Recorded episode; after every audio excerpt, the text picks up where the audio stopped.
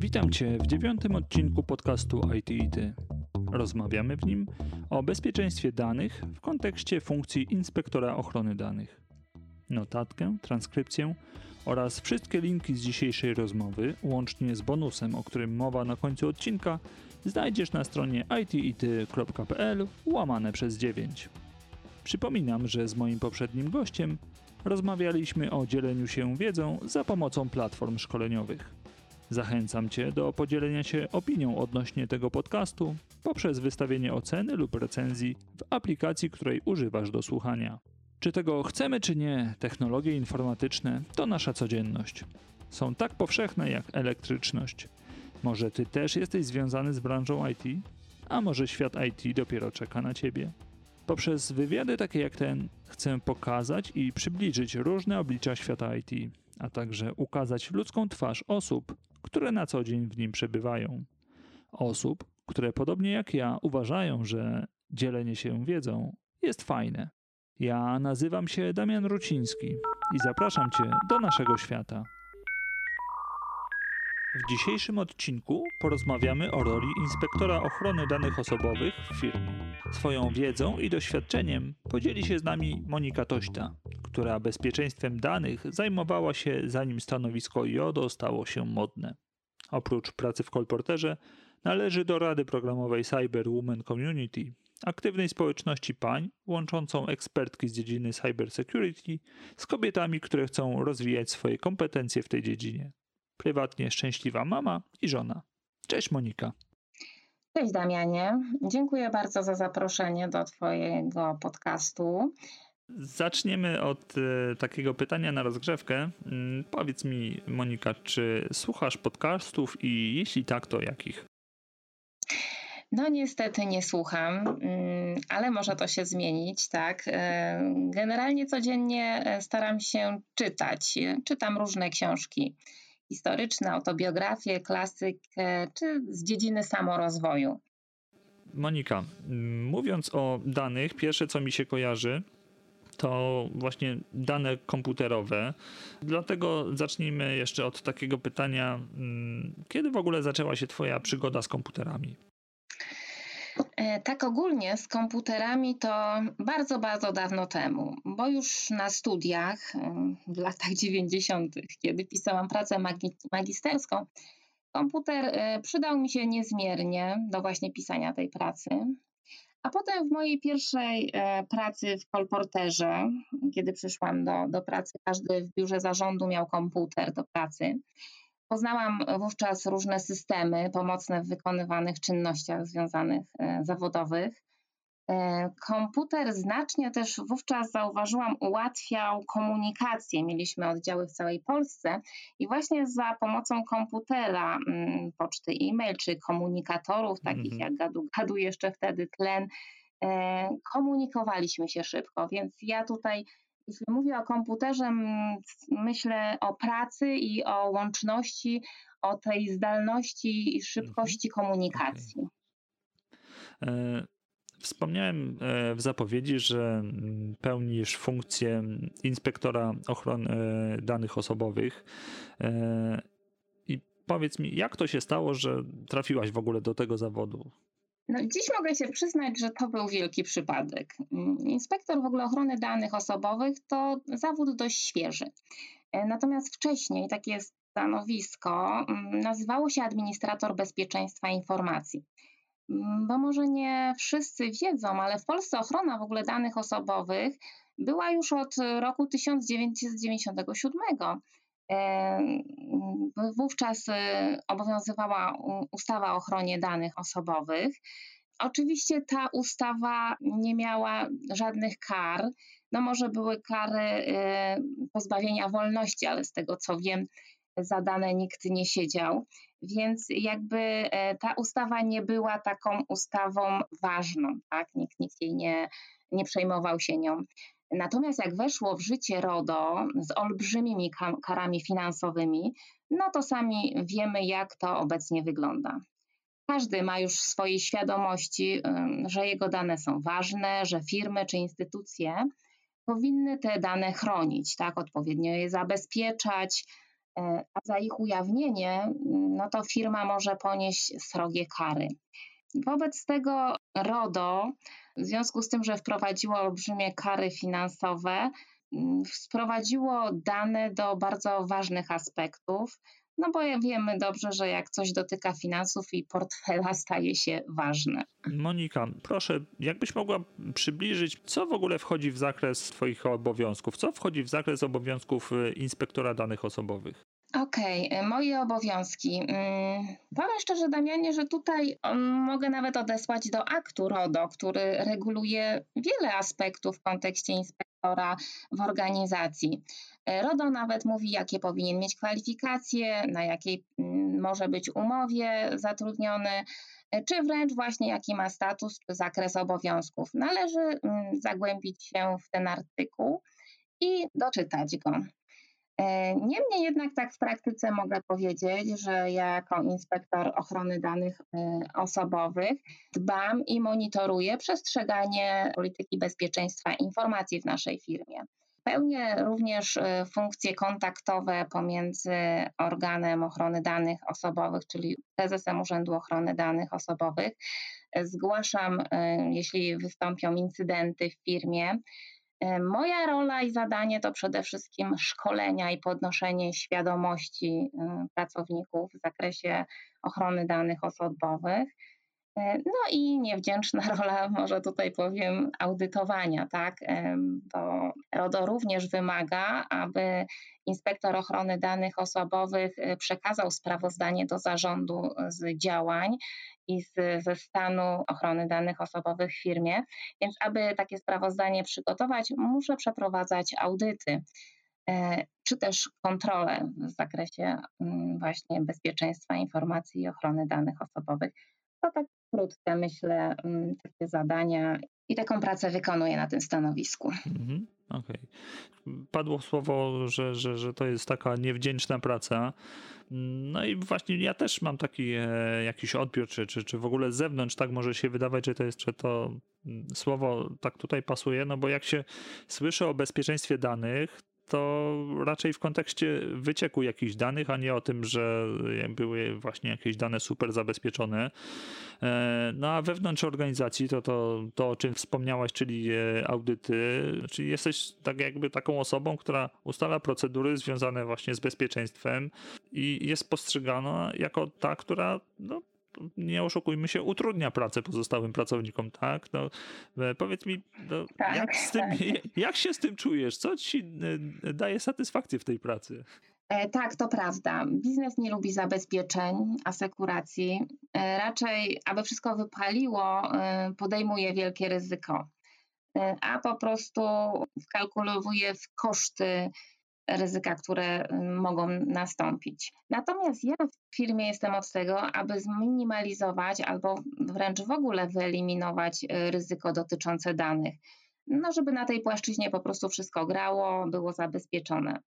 Uświadamiam wszystkim y, z zarządu, że tego ryzyka firma nie musi podejmować. Jeśli odpowiednio wcześniej mnie powiadomi, a ja przygotuję odpowiednie procedury, wymagane zgody, oświadczenia, i wówczas e, wszystko gra, i tutaj, e, że tak powiem, e, czerpę wielką satysfakcję z tego, że mamy wyeliminowane to ryzyko i zabezpieczone. No faktycznie, coś takiego może cieszyć. Mhm. Wspomniałaś już o RODO, kilka razy padło to, to słowo. Powiedz mi, jaki jest główny cel wprowadzenia polityki bezpieczeństwa danych w firmie? RODO, jak to postrzegasz? Czy to jest y, biurokracja, czy takie niezbędne minimum?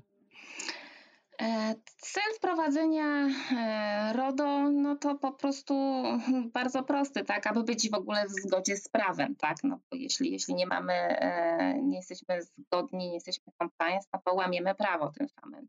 Drugi cel, no to w ogóle, żeby chronić swoje aktywa, które w firmie są bardzo ważne, po trzecie, no to też jeśli, jeśli dojdzie do jakiegoś wycieku, no to firma bardzo ucierpi wizerunkowo. E, więc to są takie podstawowe, e, podstawowe cele, żeby jednak być w zgodzie z prawem i być, nie być, że tak powiem, na czołówkach gazet kiedy, kiedy coś niechlubnego stanie się w naszej firmie. RODO w ogóle wbrew pozorom to jest bardzo inteligentny akt, miało zminimalizować biurokrację. Nigdzie w RODO nie znajdziemy informacji, że firma ma posiadać papier, mm, jakąś politykę bezpieczeństwa, w przeciwieństwie do starej ustawy, o której wspomniałam z 1997 roku, gdzie ustawowy obowiązek prowadzenia dokumentacji był, tak? Firma musiała mieć dokładnie politykę bezpieczeństwa, instrukcje, na przykład zarządzania systemem informatycznym, e, takie, takie dokumenty wręcz e, musiała firma posiadać. E, RODO chciało od tego odejść, powiedziało: zabezpieczcie się w firmie, niekoniecznie musicie posiadać te dokumenty. Niemniej jednak e, w wielu firmach, z tego co ja e, wiem, jest taki trend biurokracji, papierologii. E, paradoksalnie właśnie, właśnie zauważyłam, że w związku z tym, że RODO nie dookreśla jasno, co ma być, my Polacy lubimy mieć wszystko, co, co tylko jest możliwe na piśmie, podpisane. Nie wiem, z czego to wynika.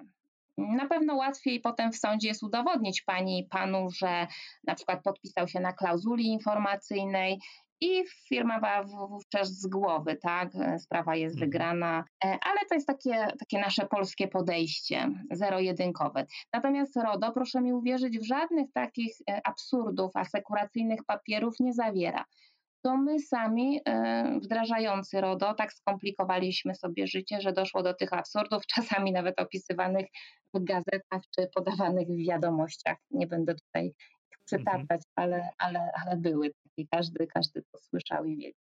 Jasne. No cóż, jak zostało jakieś pole do nadinterpretacji, które, które no, zostało wykorzystane, tak? I, tak, e, tak. i sa, sami sobie robimy jakieś kuku. Monika, mm, praktycznie każda działalność gospodarcza wiąże się z przetwarzaniem danych osobowych. Na jakim etapie prowadzenia czy też otwierania działalności powinno się zainteresować właśnie bezpieczeństwem danych? No tutaj muszę właśnie powiedzieć, że jak najwcześniej i, i, i dlatego tak ważna jest y, świadomość kadry zarządzającej, aby zabezpieczyć dane osobowe, aby poinformować właśnie osobę, która się na tym zna, inspektora ochrony danych osobowych, że będziemy zbierać tak, jakąś bazę danych, bo jeśli już ją zbudujemy, y, i wtedy dopiero pojawi się ta informacja u inspektora, to już jest za późno. Tak? bo jakby już mamy zebrane te, te, te dane i nie wiemy, czy odpowiednio były zgody przygotowane, e, czy te osoby zostały poinformowane e, w klauzuli informacyjnej, co się z tymi danymi e, dzieje. Więc jak tylko zamierzamy coś robić na etapie tutaj już projektowania, powinniśmy się tym zainteresować i zgłosić do, do osoby, która jest odpowiedzialna w firmie za dane, że taką bazę będziemy zbierać i to w tym e, temacie należy zrobić.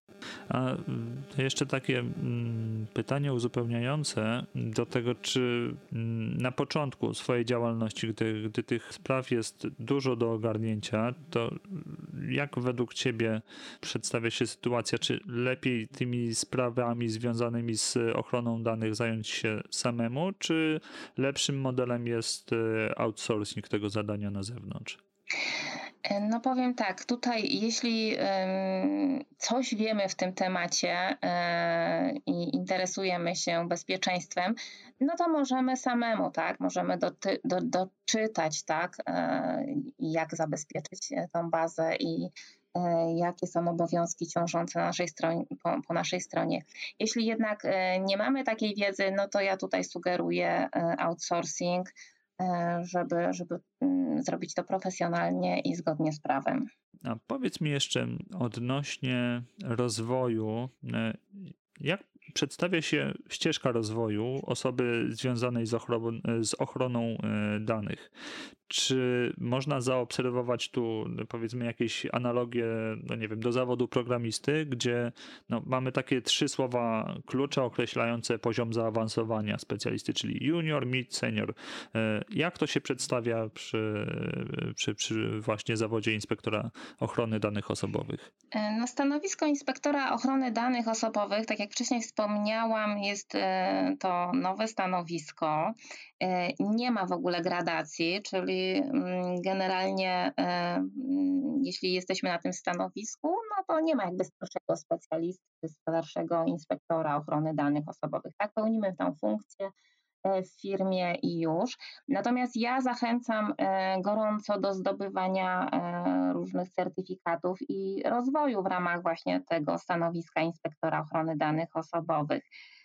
Na przykład pomocne są tutaj normy ISO, gdzie możemy zdobyć Cyber Security Managera, czy też inne CISMy. Zachęcam wszystkich do rejestracji na nasze październikowe Cyber Expresso, gdzie moje fantastyczne koleżanki z branży w ramach właśnie Cyber Women Community właśnie w październiku opowiadamy o certyfikatach, które warto zdobyć, które liczą się w tej branży. I dokładnie podczas półgodzinnych spotkań omawiane są te certyfikaty, które warto zdobyć na tej ścieżce. A powiedz mi, jak to jest e, z migracją pomiędzy firmami? Czy ekspertyza w jednej firmie osadzona jest e, w domenie, w obrębie której działa firma, czy też e, posiadane umiejętności są na tyle uniwersalne, że bez problemu można przenieść je na inną branżę? No nie, no to tak nie działa. Zalecam podejście indywidualne do zbiorów, y, do systemów, szczególnie jeśli są to inne branże, tak? Bo e, co innego, inne umiejętności, inne zalecenia są na przykład w branży bankowej, inne w medycznej, inne w transportowej. E, I tutaj jakby musimy znać akty prawne regulujące kwestie z właśnie bezpieczeństwa danych z danej branży. Więc na pewno nie możemy sobie tutaj jakoś e, migrować i przenieść, bo inna jest analiza ryzyka i trzeba tutaj zastosować podejście indywidualne. Przynajmniej mnie się tak wydaje. Okej. Okay. E, a od czego w ogóle zacząć przygodę z tym zawodem? Gdyby ktoś e, właśnie miał się zdecydować na ten zawód po wysłuchaniu powiedzmy naszej rozmowy, to skąd ma czerpać wiedzę? Gdzie ma stawiać pierwsze kroki? Co byś mu poradziła? Okej, no za moich czasów no to tak było bardzo ciężko, prawdę mówiąc, jak ja zaczynałam studia, to w ogóle nikt nie słyszał o takim zawodzie.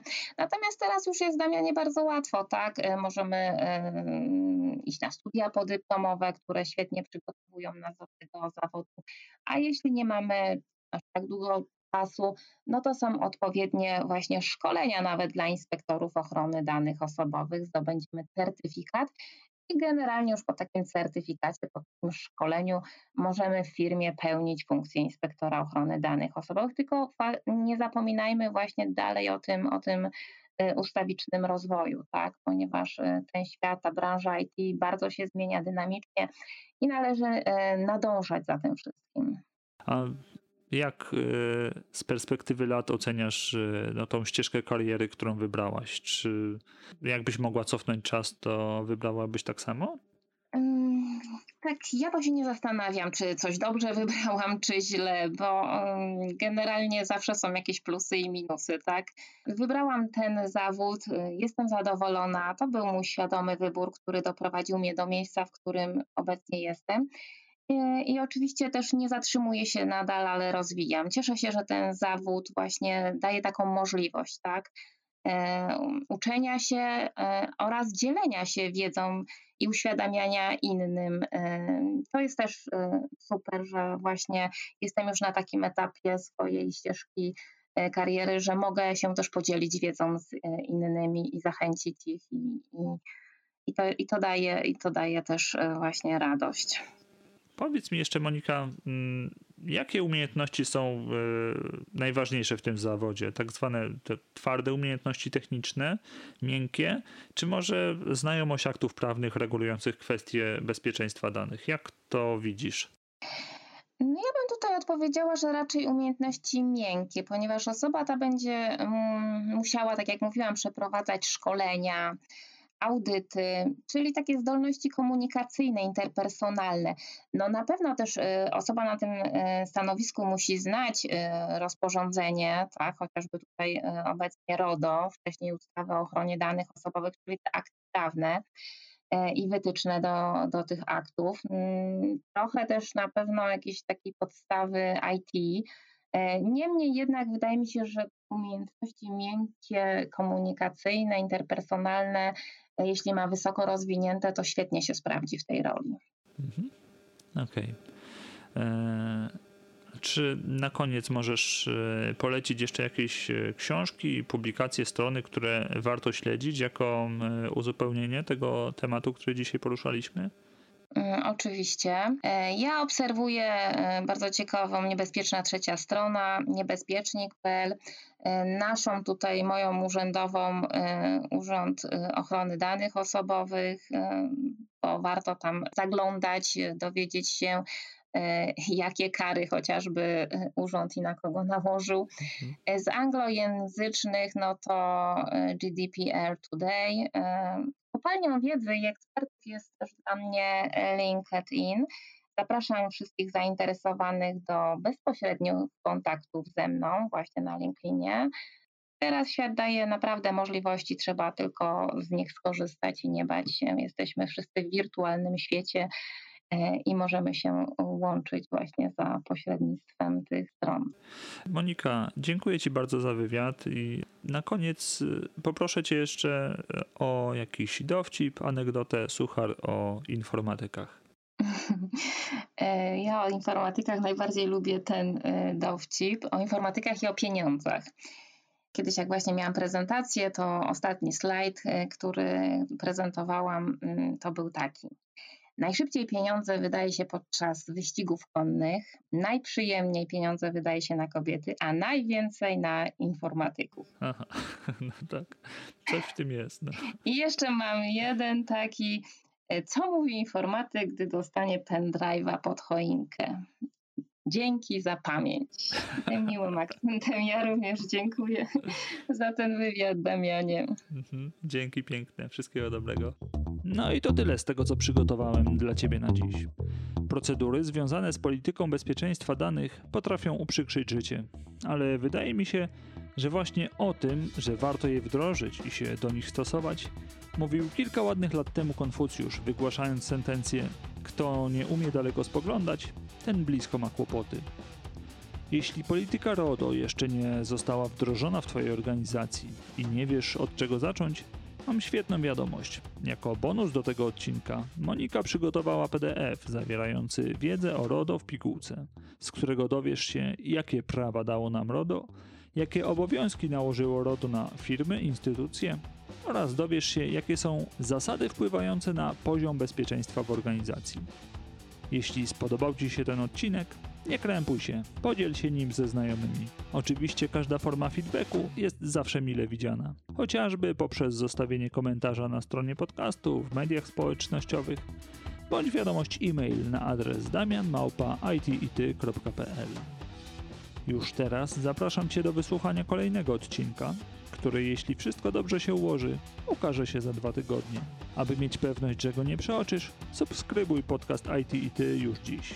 Jeśli nie wiesz jak to zrobić, zapraszam na stronę itity.pl łamane przez subskrybuj. Ja nazywam się Damian Ruciński i przypominam Ci, że dzielenie się wiedzą jest fajne. Do usłyszenia. Pa pa!